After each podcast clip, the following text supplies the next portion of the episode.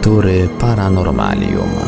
W dzisiejszym odcinku Lektur Paranormalium zaprezentujemy fragment książki Arnolda Mostowicza o tych, co z kosmosu, wydanej w 1987 roku. Jest to kontynuacja prezentowanej już na naszej antenie książki My z kosmosu. Wydaną w dwóch tomach książkę o tych, co z kosmosu prezentujemy na naszej antenie w odcinkach w całości. Zapraszamy do słuchania.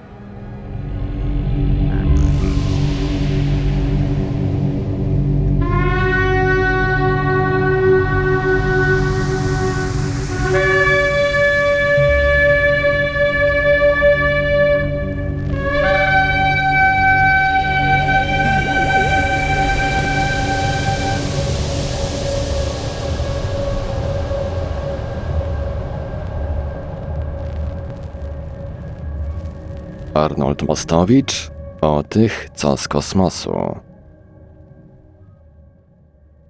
Rozdział pierwszy. Wstęp informacyjny i polemiczny.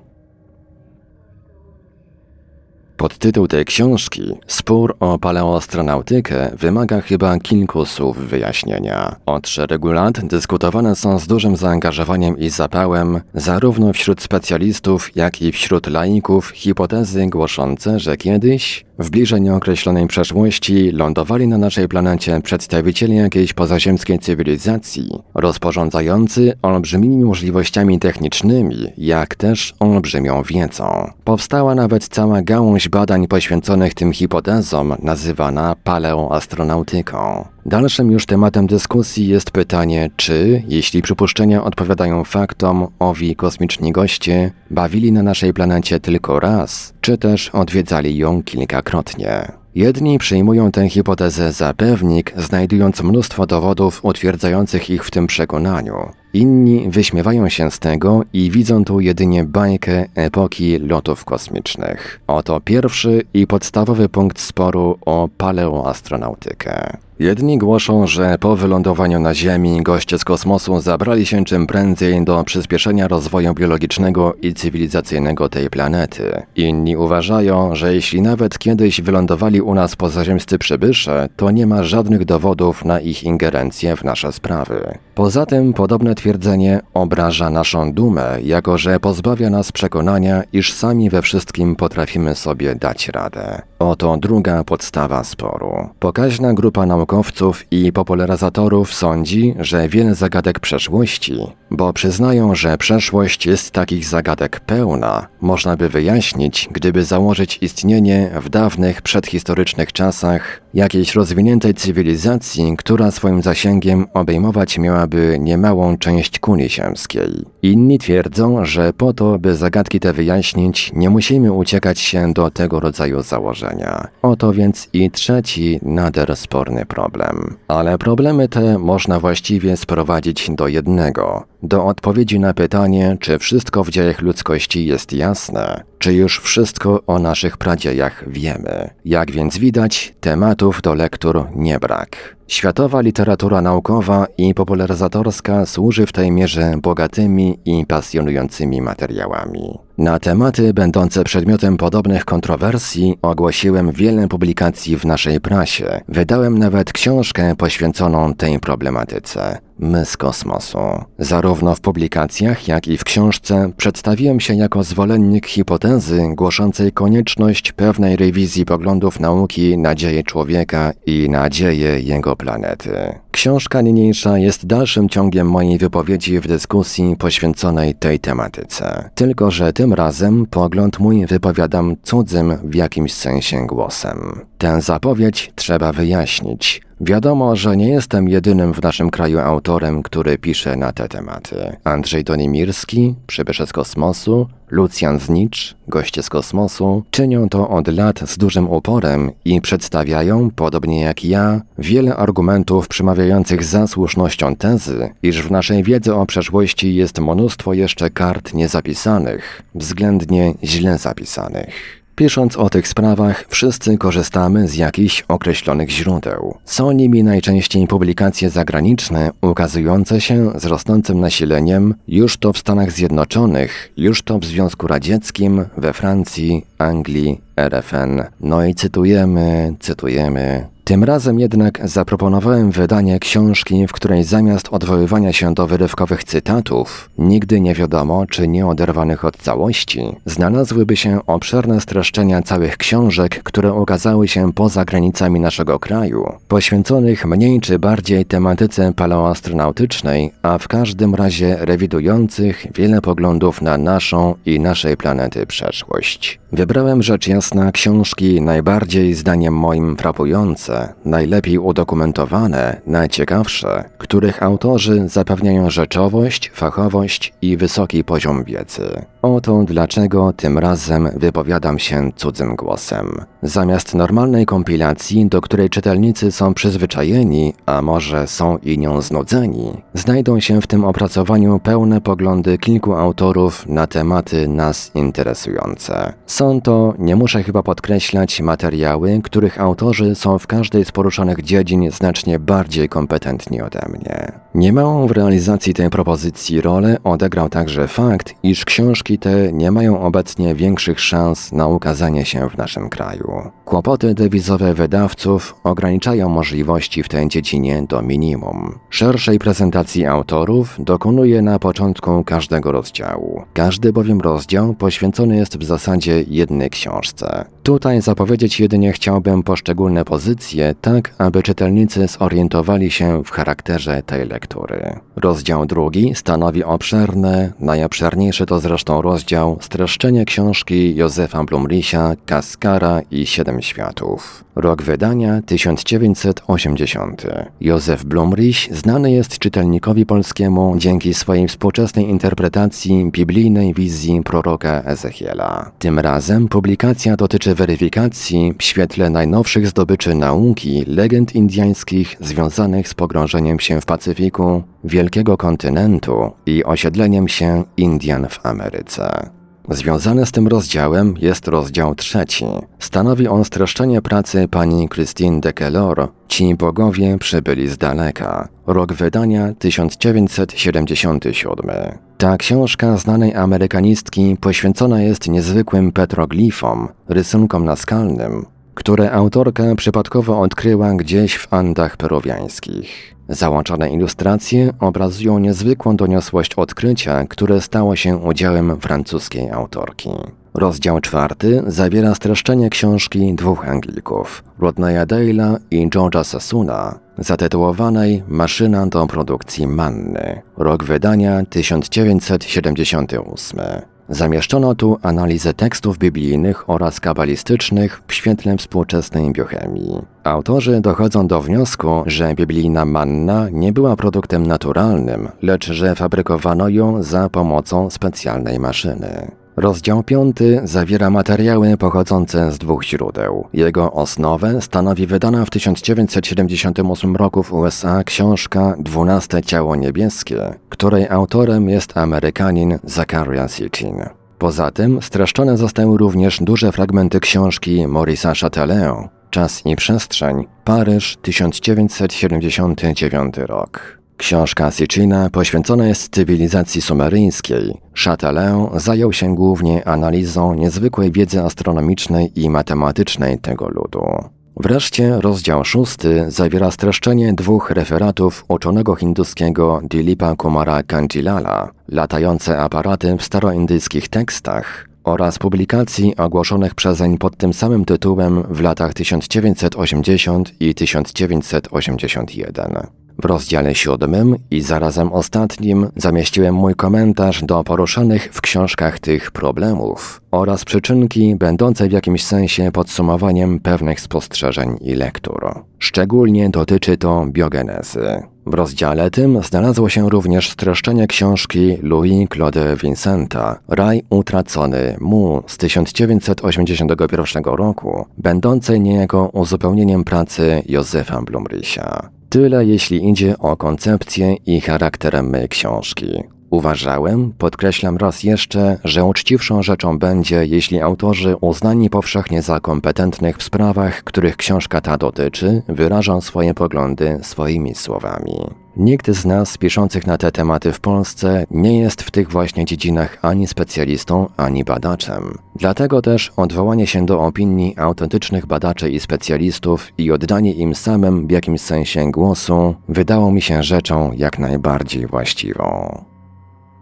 Tytuł niniejszego rozdziału zapowiada, oprócz informacji, również i polemikę. W roku 1980 ukazała się nakładem PIW zbiorowa praca pod redakcją profesora Andrzeja Wróblewskiego pod tytułem Z powrotem na Ziemię. Praca ta, ośmiu autorów, poświęcona jest jednej właściwie sprawie, a może obsesji. Udowodnieniu mianowicie, że wszystko, co na wspomniane tu tematy paleoastronautyczne wyszło spod pióra Erisia von Dänikena jest bzdurą, nierzetelnością i nieuctwem, a nawet świadomym wprowadzaniem w błąd. Od dawna orientują się czytelnicy w naszym kraju, że tematyce związanej z poruszonymi tutaj problemami przydano nazwę hipotez dejnikenowskich, od nazwiska Dänikena, którego dwie książki ukazały się w Polsce. Jak to już wielokrotnie i z uporem, być może godnym lepszej sprawy podkreślałem, obarczanie tego autora wyłączną odpowiedzialnością za głoszenie podobnych poglądów jest chwytem polemicznym poniżej pasa. Wiadomo bowiem, że ojcostwo tych wszystkich teorii czy hipotez należy rozdzielić co najmniej pomiędzy kilkunastu autorów, popularyzatorów, jak i fachowców, uczonych, jak i laików, publicystów. Nie Dejniken pierwszy hipotezy tę głosił.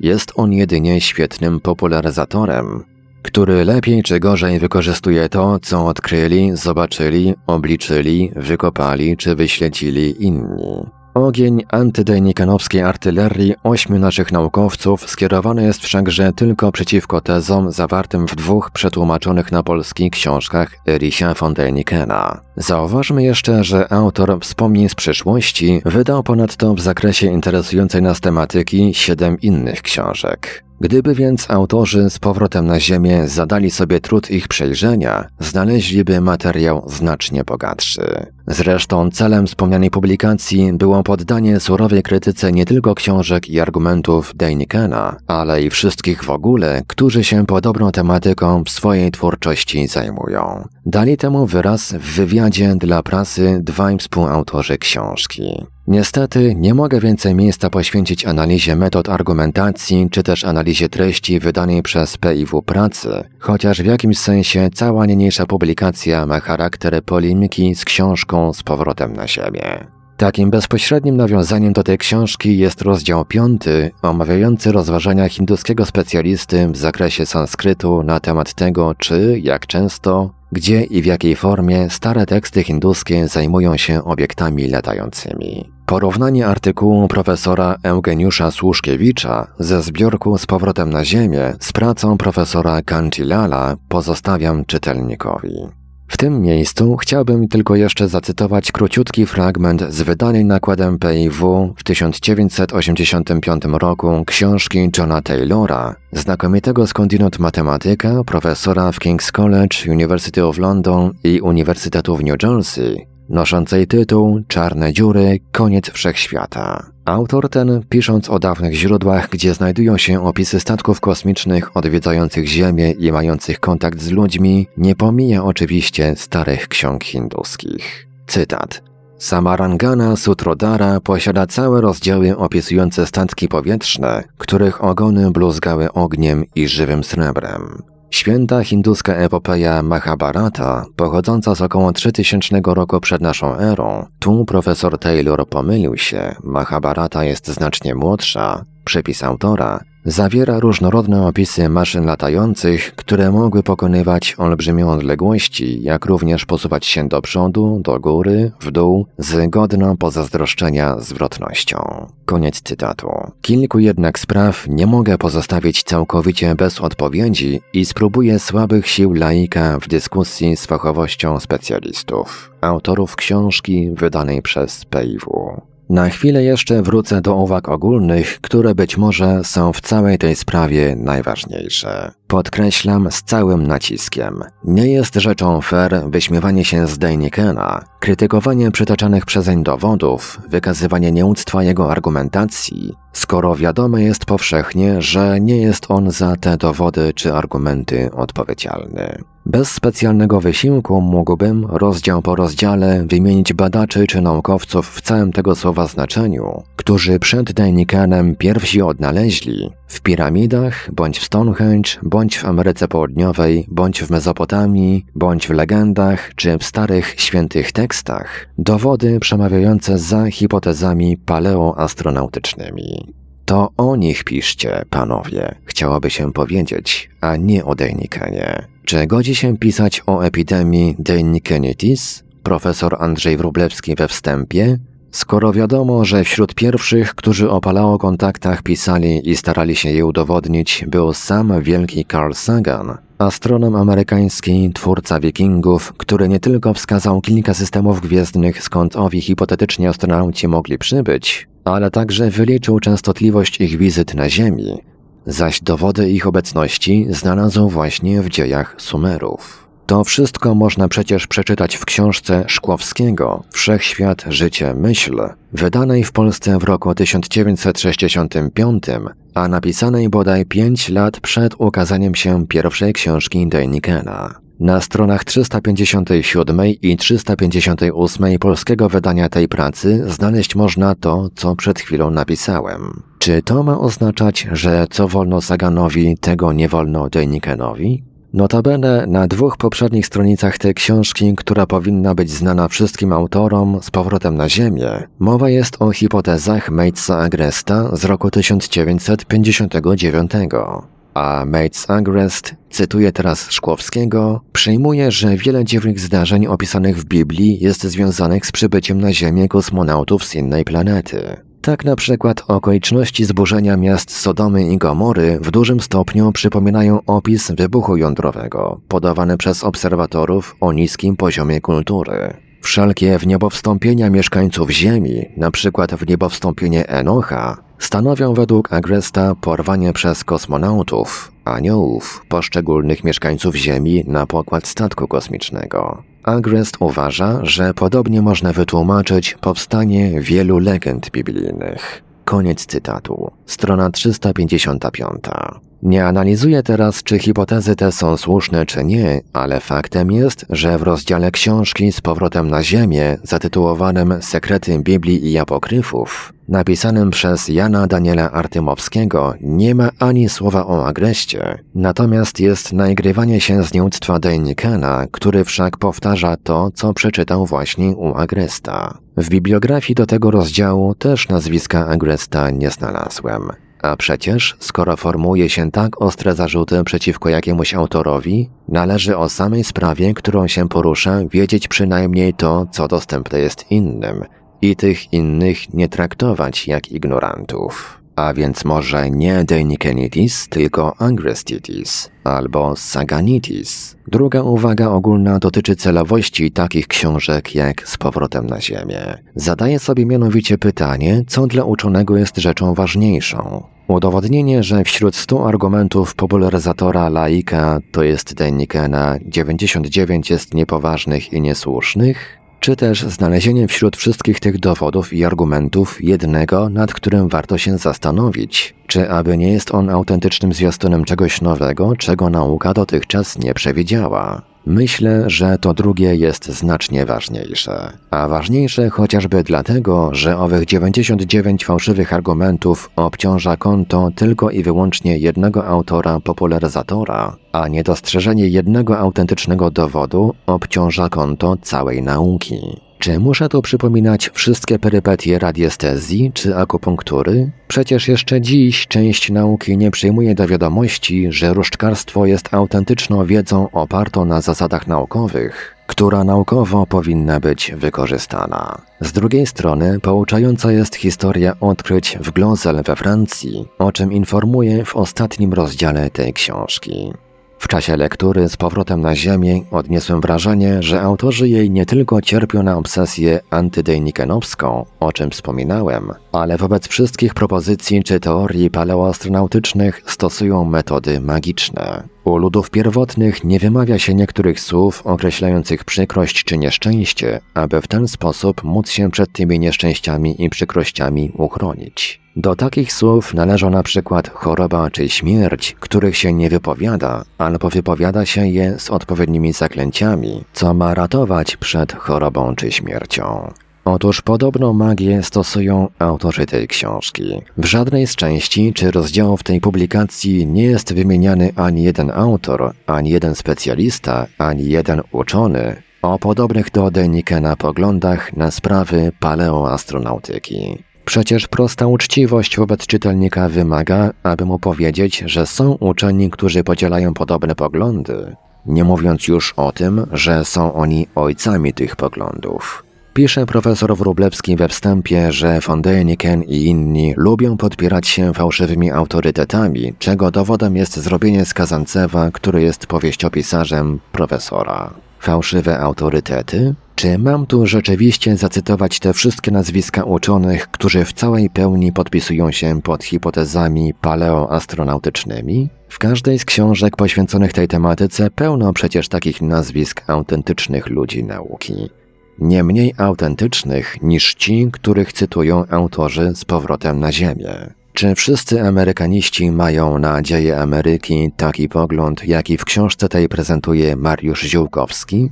autor rozdziału Odkrycie Ameryki, czyli kosmici na krańcach świata? Zresztą ta magiczna przezorność dotyczy nie tylko nazwisk i autorytetów naukowych, ale także argumentów. Aż dziw bierze, z jaką umiejętnością obijają wszyscy autorzy materiały, które warto przecież dokładnie przeanalizować, jak choćby legendy i mity, pasjonujące i niedoceniane źródło poznania przeszłości człowieka. Mity i legendy są poza strefą zainteresowań autorów tej książki a petroglify, rysunki naskalne, a owe przedmioty stałe i wszędzie odnajdywane, które o tysiąclecia wyprzedzają swój czas, o tym w tej książce również cicho. Lepiej widać nie kusić losu przytaczaniem takich argumentów.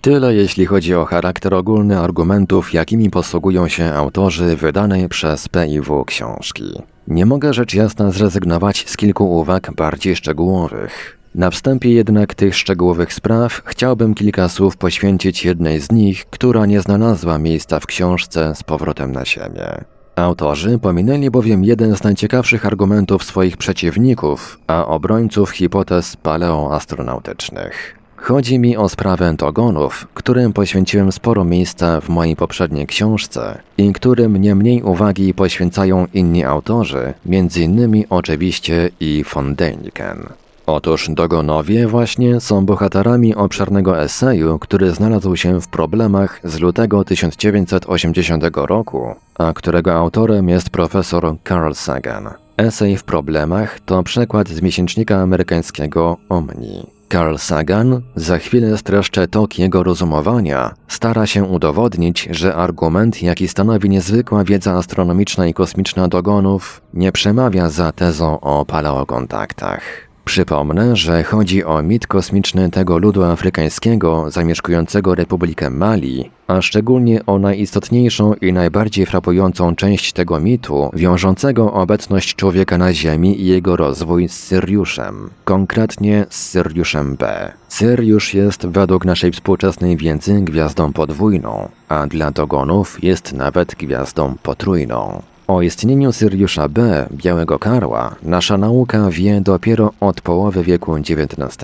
Dogonowie zaś, jak twierdzą, wiedzą o nim od dawien dawna i to bardzo dużo, nie wyłączając takich danych jak jego masa czy czas obrotu wokół Syriusza A. Przy czym ten właśnie obiekt jest centralnym elementem ich gnozy, którą przekazują sobie ustnie z pokolenia na pokolenie. Wobec tego, że dogonowie są ludem bardzo prymitywnym i że są analfabetami, zachodziło pytanie, skąd dotarły do nich wiadomości o tym niewidocznym gołym okiem obiekcie niebieskim, który stał się elementem naszej współczesnej wiedzy dopiero niedawno. Kosmiczna gnoza dogońska została odkryta w latach 30. i 40. naszego wieku przez grupę etnografów francuskich z profesorem Marcelem Griolem na czele. Uczeni francuscy nie zdawali sobie sprawy z fantastycznej treści mitu dogońskiego i z zagadek, jakie mit ten stawia przed nauką. Dopiero autorzy dwóch książek komentujący mit dogoński w świetle nauki astronomicznej, Eric Guerrier i Robert Temple, wysunęli hipotezę, że tę niezwykłą wiedzę, dotyczy ona zresztą nie tylko Syriusza albo właściwie Syriuszów, przed tysiącami lat przekazali przodkom dogonów bądź kapłani egipscy, którzy taką wiedzę mogli posiadać tylko od przedstawicieli jakiejś cywilizacji pozaziemskiej, bądź też przedstawiciele tej cywilizacji bez jakiegokolwiek pośrednictwa. Carl Sagan zagadkę kosmicznego mitu dogońskiego wyjaśnia w następujący sposób. Cytat. Dogonowie dysponują wiedzą niemożliwą do uzyskania bez teleskopu. Płynie stąd bezpośredni wniosek, że mieli oni kontakt z wysoko rozwiniętą cywilizacją. Powstaje jednak pytanie, co to była za cywilizacja, pozaziemska czy europejska. Dużo bardziej wiarygodny niż starożytne kontakty naukowe dogonów z kosmitami byłby stosunkowo niedawny kontakt z wykształconymi Europejczykami, którzy przekazali dogonom zdumiewający mit o Syriuszu i jego towarzyszu, Białym Karle, Mit, który ma wszelkie zewnętrzne cechy wyszukanej mistyfikacji. Być może autorem kontaktu był europejski podróżnik po Afryce. Mogli to być także mieszkańcy Afryki Zachodniej, zmuszeni do walki po stronie Francji w czasie I wojny światowej. Koniec cytatu. Swoje przypuszczenia, że to od Europejczyków dowiedzieli się dogonowie o Syriuszu A i B, podpiera uczony amerykański nader obszerną dokumentacją. Ale jest to argumentacja na pozór tylko poważna. W rzeczywistości bowiem opiera się na cząstkowej jedynie wiedzy o kosmogonii dogońskiej. Ma wiele luk i jest mimo wszystko tak nieprawdopodobna, że nie chce się wierzyć, aby wierzył w nią sam jej autor. Ograniczę się tutaj do kilku tylko kontrargumentów, bowiem miejsce nie pozwala, by na obszerny esej Sagana odpowiedzieć równie obszernym. Wydaje się, iż owe luki w argumentacji Sagana wynikają z tego, iż sprawozdanie etnografów francuskich Marcela Griol i Germain Dieterlin zna on z drugiej bądź nawet z trzeciej ręki. Chyba, że celowo pominą wiele arcyważnych aspektów mitu dogońskiego. W każdym razie, z całą pewnością, lekce sobie waży żmudną, mozolną pracę uczonych francuskich, sądząc, iż w ciągu kilkunastu lat pobytu wśród dogonów mogliby pominąć współczesny, pośredni lub bezpośredni wpływ nauki europejskiej na dogońską gnozę, Gdyby wpływ taki faktycznie miał miejsce, że w setkach ankiet przeprowadzanych podczas tysięcy godzin trwających rozmów nie dostrzegli śladu kontaktu, który by tak mógł zaważyć na świadomości społecznej tego ludu. Sam Marcel Griol był przecież jednym z najwybitniejszych etnografów francuskich, a wśród dogonów pracowała po kilka miesięcy w roku w ciągu wielu lat kilkunastoosobowa grupa badaczy. Sądzić, że mogliby oni pominąć taki fakt jak niedawne zetknięcie się dogonów ze współczesną wiedzą astronomiczną, jest argumentem całkowicie oderwanym od rzeczywistości. Co więcej, jest to argumentacja pozbawiająca uczonych francuskich zasług, jakie mają w odkryciu zupełnie nowych perspektyw badania kultur i cywilizacji afrykańskich. Oto co czytamy we wstępie do nowego z 1970 roku wydania książki Marcela Griola Czarne Genesis. Cytat. Książka ta jest ciekawa nie tylko dlatego, że składa hołd afrykańskim kulturom. Jeśli dzisiaj wydaje się ją ponownie, to dlatego, że oznacza ona rewolucję w dziejach odkryć etnologicznych. Tej książce zawdzięczamy podstawowe interpretacje obserwowanych zjawisk, które dzisiaj stały się już klasyczne i które wtedy, gdy pojawiły się po raz pierwszy, wcale nie były zrozumiałe. Koniec cytatu. A przecież już po śmierci Griola ukazała się jeszcze jedna książka etnografów francuskich, w której wszystkie obserwacje zostały pogłębione i zyskały jeszcze pełniejszy wymiar. I mieliby badacze francuscy pominąć taką bagatelkę jak kontakt badanego przez siebie latami całymi ludu z europejską nauką? Bo przecież nie tylko wiedza o Syriuszu zadziwia w micie dogońskim. Notabene przeciwko tezie Sagana przemawia także fakt, że badania Syriusza B rozciągają się na przestrzeni 50 przeszło lat i nawet dzisiaj nie są dla laika łatwo dostępne. Musiałby więc to być nie lada astronom, który by przekazał dogonom wszystko, co współczesna nauka wie o tej gwieździe. Powtarzam, nie tylko o Syriusza chodzi, ale o całą olbrzymią wiedzę astronomiczną tego ludu afrykańskiego, oraz, co już Sagan zupełnie pomija milczeniem, o wiedzę dotyczącą pewnych podstawowych zasad podróży kosmicznych, których przecież, gdy Griol, a później Griol i Dieterle pisali swoje prace, ludzkość nawet nie przewidywała. Któż by więc na Boga mógł sprawy te wyjaśniać analfabetom z Mali? A przecież mit kosmiczny Dogonów obejmuje ponadto wiedzę o planetach, o ich obrotach wokół Słońca, o gwiazdach, o galaktykach. Nie trudno nawet doszukać się w ich gnozie wiedzy o dziejach wszechświata, o Big Bangu, a nawet o teorii budowy materii. Wszystkie te elementy wiedzy kosmicznej mieliby dogonom przekazać jacyś przygodni przybysze z Europy, w krótkim czasie miałyby się one utrwalić w pamięci zbiorowej tego ludu, miałyby stać się podstawą wierzeń i obrzędów, treścią wymyślonych piktogramów, i wreszcie stać się tematem rozmów, które na polecenie starszych ludu przeprowadzono z Marcelem Griol? Kto w taką interpretację poważnie uwierzy? Ma oczywiście pełne prawo Carl Sagan pofantazjować sobie do woli na temat kosmicznej gnozy dogońskiej. Tylko, że jeśli pragnąłby na podstawie tego toku rozumowania skompromitować paleoastronautyczną interpretację tego mitu, to nie może w żaden sposób pomijać niewygodnych, nie dających się za pomocą tej metody wyjaśnić elementów tej niezwykłej wiedzy. Chociażby jeszcze taki fakt, jak obchodzenie przez dogonów co 50 lat pewnych świąt i zbieranie materialnych dowodów świadczących, że święta te były rzeczywiście obchodzone. A przecież wtedy, gdy Griol rozpoczynał swoje badania, cała wiedza o Syriuszu B nie miała jeszcze 50 lat, co jest chyba istotne, jako że okres ten, zgodnie zresztą ze stanem faktycznym, wiążą dogonowie z okresem jednego obrotu Syriusza B wokół Syriusza A. A ponadto etnografowie francuscy znaleźli dowody świadczące o tym, że takie co 50 lat obchodzone święta mają około tysiącletnią tradycję, co w jakimś pośrednim sensie jest dowodem, iż wiedza dogonów dotycząca praw rządzących Syriuszem sięga co najmniej dziesięciu wieków. I jeszcze jedna kwestia. Zarówno Marcel Griol, jak i Germain Dieterle we wszystkich swoich poświęconych dogonom pracach podkreślają fakt, o którym zdaje się Sagan w ogóle nie wiedzieć. Otóż etnografowie francuscy swoimi obserwacjami i badaniami przeprowadzanymi wśród dogonów zapoczątkowali nowy kierunek prac nad poznaniem innych afrykańskich kultur i cywilizacji, a w szczególności nad znaczeniem i wagą mitów kosmicznych, które traktowali nader poważnie i które śledzili nie tylko u dogonów. Cytat. Nie wolno zapominać o istnieniu afrykańskiego mitu kosmicznego i nie wolno sprowadzać go do śmiesznych fragmentów. Czytamy we wspomnianym wyżej wstępie do nowego wydania książki profesora Marcela Griol.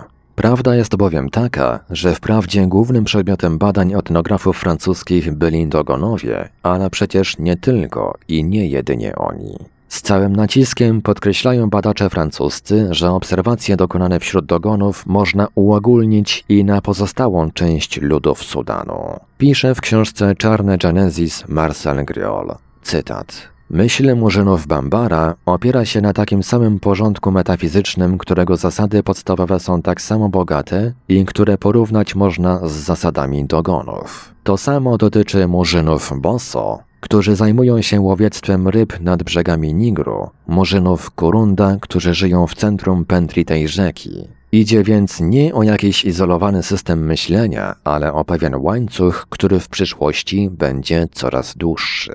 Koniec cytatu. A w zakończeniu swojej książki podkreśla uczony francuski raz jeszcze. Cytat. Poza tym prace wśród murzynów Bambara pozwoliły odkryć nowe mity kosmiczne i metafizyczne. Można więc stąd wywnioskować, że pod wieloma postaciami obyczaje i zachowania czarnych ludów tego rejonu podlegają w ogólnych zarysach tej samej religii i tej samej myśli dotyczącej porządku świata i ludzkości. Koniec cytatu. Czyż nie jest więc rzeczą obraźliwą dla badaczy francuskich, jeśli olbrzymią część ich niezwykłego wysiłku sprowadza się do nieświadomie powtórzonych za dogonami elementów wiedzy astronomicznej świata europejskiego? Nie ulega chyba wątpliwości, że enuncjacja Sagana nie jest kontrargumentem dla wniosków, które z mitu dogońskiego wyciągnęli Eric Guerrier i Robert Temple, a później wszyscy, którzy pracę etnografów francuskich poważnie przestudiowali. Tyle o sprawie togonów.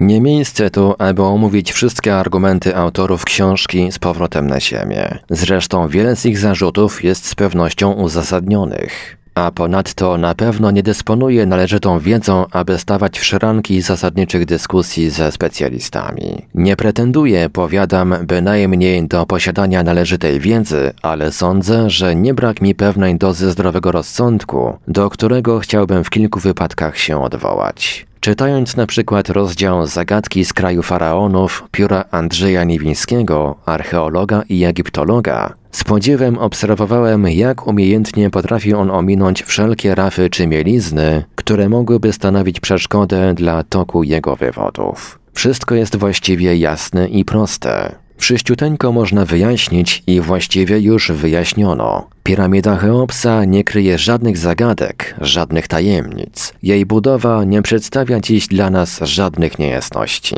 A każdy, kto by próbował się tu doszukać jakiejś zagadki, jest po prostu niedouczonym prostakiem, jak Erich Däniken. Możliwe, możliwe. Chciałbym tylko na przykład widzieć minę tysięcy naszych rodaków płci brzydkiej, do których z jednej strony dotarły uspokajające argumenty Andrzeja Niwińskiego, a których z drugiej strony przed nękającym brakiem żyletek ratowały w swoim czasie pojemniczki w kształcie piramidek. Umieszczone w tych piramidkach żyletki przez wiele miesięcy zdatne są do użytku i można się nimi golić setki razy. W pojemnikach o innym kształcie podobne zjawisko nie zachodzi. Nie stanowi więc żadnej zagadki wpływ kształtu piramidy na ostrza nożyków do golenia, nie stanowi żadnej zagadki przyczyna powodująca, że mięso umieszczone w pojemniku o kształcie piramidy nie psuje się, to znaczy nie gnije, ale mumifikuje się, a może to tylko zwykły przypadek. Odwoływanie się do przypadku jest zresztą ulubionym argumentem egiptologów, którzy za jego pomocą tłumaczą wszystkie niezwykłości piramidy Cheopsa. Boć to tylko przypadek zrządził, że południk, który przechodzi przez szczyt piramidy dzieli deltę Nilu na dwie równiutkie połowy, i jednocześnie na dwie idealnie równe połowy dzieli Ziemię naszej planety i to przypadek zrządził, że równoleżnik, na którym znajduje się piramida, przechodzi, okalając kulę ziemską, przez największy z możliwych obszar tych ziem. Co notabene jest nie tylko kunsztem architektonicznym, ale jednocześnie świadczy o tym, iż budowniczowie piramidy wiedzieli, że Ziemia jest kulą i wiedzieli, jaki jest na tej kuli rozkład Ziemi i oceanów. To tylko przypadek, że Wielka Piramida jest tak dokładnie wzniesiona na linii północ-południe i linii wschód-zachód, że odchylenie od tych osi nie przekracza 3 minut i 6 sekund, co stanowi precyzję niewiarygodną, jeśli się zważy, że chodzi tu o kolos kamienny wagi około 7 milionów ton.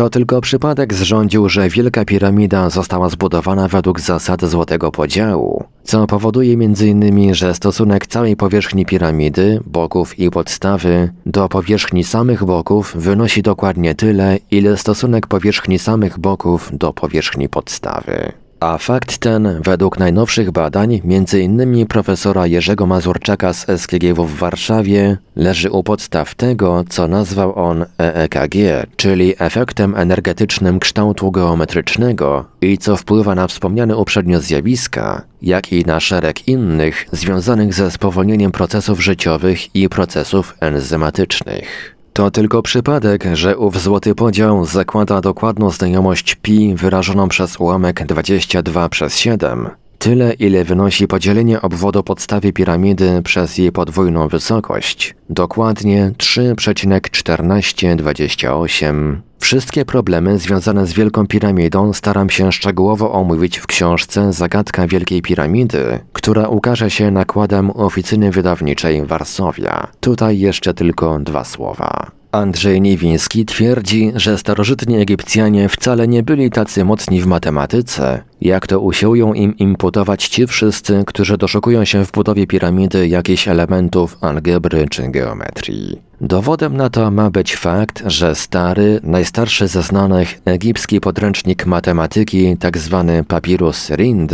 połowa drugiego tysiąclecia przed naszą erą, zawiera zupełnie prymitywne elementy najzwyklejszych prostych rachunków. Nie ma w nim nawet śladu matematyki czy algebry. argument wydawać by się mogło nie do obalenia. Nie uwzględnię tylko tej prostej ewentualności, czy powiedzmy hipotezy, że matematyczna wiedza Egipcjan nie tylko nie rozwijała się w miarę upływu wieków, ale malała, degenerowała się. Przykłady podobnej degradacji znajdujemy w technice egipskiej. Dlaczegoż nie miałaby ona dotknąć również i wiedzy matematycznej? O przykładach z dziedziny techniki wspominam w ostatnim rozdziale tej książki. Tu pojawia się przypis, Przykładów świadczących o tym, że dawna wiedza mogła ulec zapomnieniu, względnie zdegenerować się, znaleźć można wiele. I to nie tylko w Egipcie. To przecież Arystarch Samos na 1800 lat przed Kopernikiem odkrył, że Ziemia i planety kręcą się dookoła Słońca. A Erastotenes z Kyreny w III wieku przed naszą erą obliczył, i to wcale dokładnie, obwód Ziemi. Co byśmy powiedzieli, gdyby na podstawie ksiąg naukowych zawierających wiedzę astronomiczną czy geograficzną z okresu średniowiecza ktoś stwierdził z całą pewnością, iż jest rzeczą niemożliwą, aby dwadzieścia kilka wieków temu znano kształt Ziemi, obliczono jej obwód i stwierdzono, że wraz z innymi planetami obraca się ona wokół Słońca. Kazimierz Kumaniecki w swojej książce Historia kultury starożytnej Grecji i Rzymu tak pisze o wiedzy medycznej tych czasów. Cytat. Fakt, że dzieła wielkich uczonych aleksandryjskich Herofilosa i Erasistratosa zaginęły, a następne pokolenia lekarzy były małotwórcze, sprawił, iż wielu odkryć z wieku III przed naszą erą w dziedzinie lekarskiej musiano w czasach nowożytnych dokonać powtórnie. Koniec cytatu. Przy czym cytuję tu przykłady przyjęte przez ogół uczonych. W rozdziale poświęconym wiedzy sumeryjskiej przekona się czytelnik, że na wiele tysięcy lat przed czasami współczesnymi, co oczywiście nie wszyscy uczeni przyjmują za dowiedzione, wiedza Sumerów w dziedzinie astronomii była wprost zdumiewająca, a później poszła w zapomnienie. Koniec przypisu.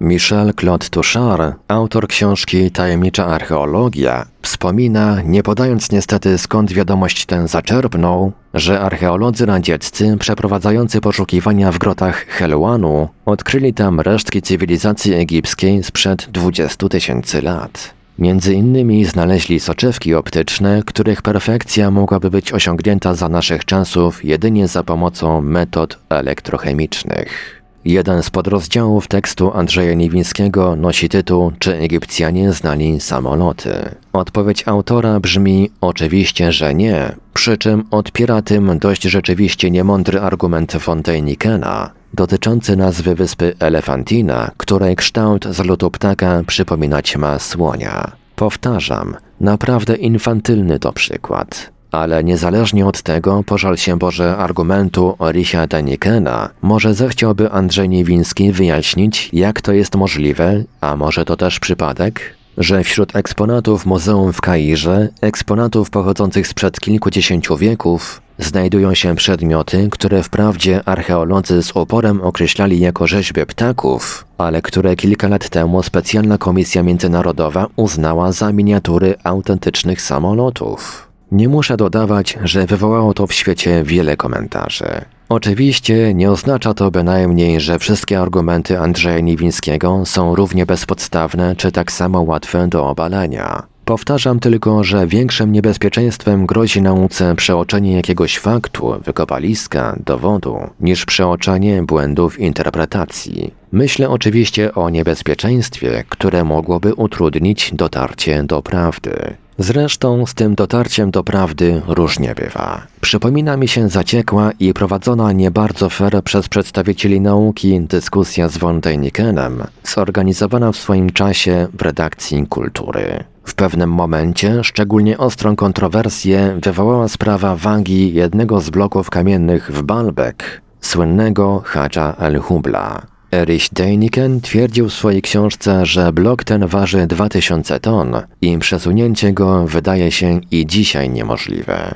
Natomiast polskie specjalistki w zakresie archeologii twierdziły, że blok ten waży zaledwie 800 ton, bowiem tak podają źródła godne zaufania, a więc 800 czy 2000. Von Däniken na swoją obronę mógłby powołać wszystkie przewodniki po Balbeku, jak też opinię doktora Agresta, ale tego nie uczynił.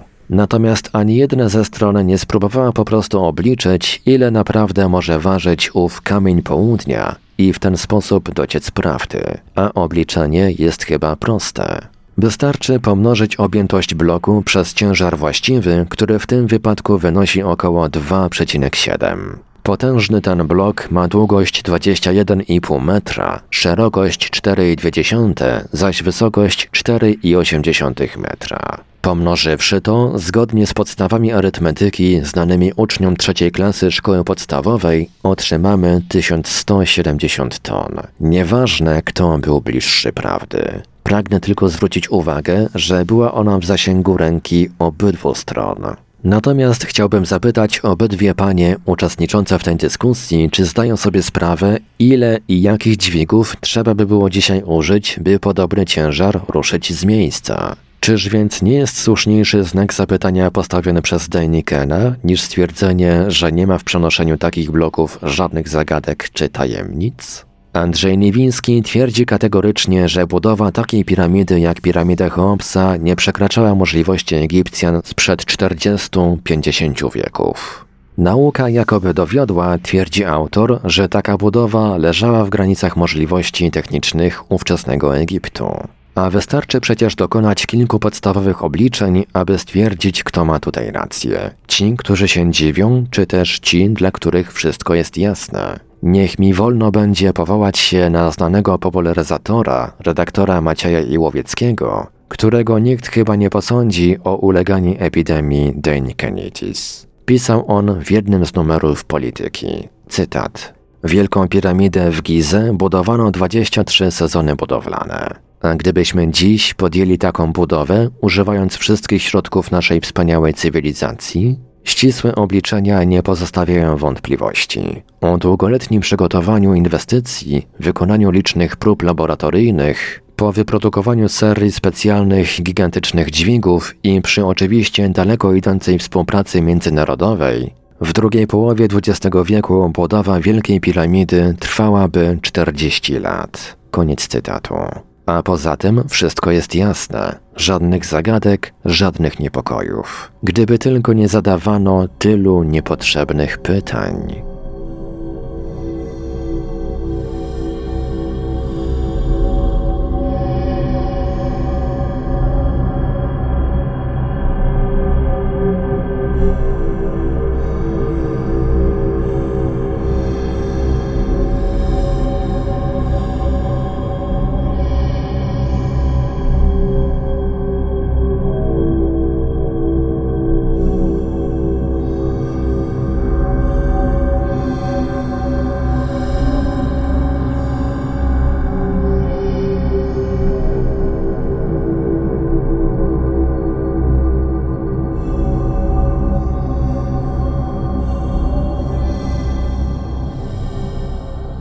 Radiu Paranormalium zaprezentowaliśmy fragment książki Arnolda Mostowicza o tych, co z kosmosu. Dalszy ciąg w następnym odcinku Lektur Paranormalium. Archiwalne odcinki Lektur Paranormalium znajdziesz do pobrania w archiwum naszego radia na stronie www.paranormalium.pl.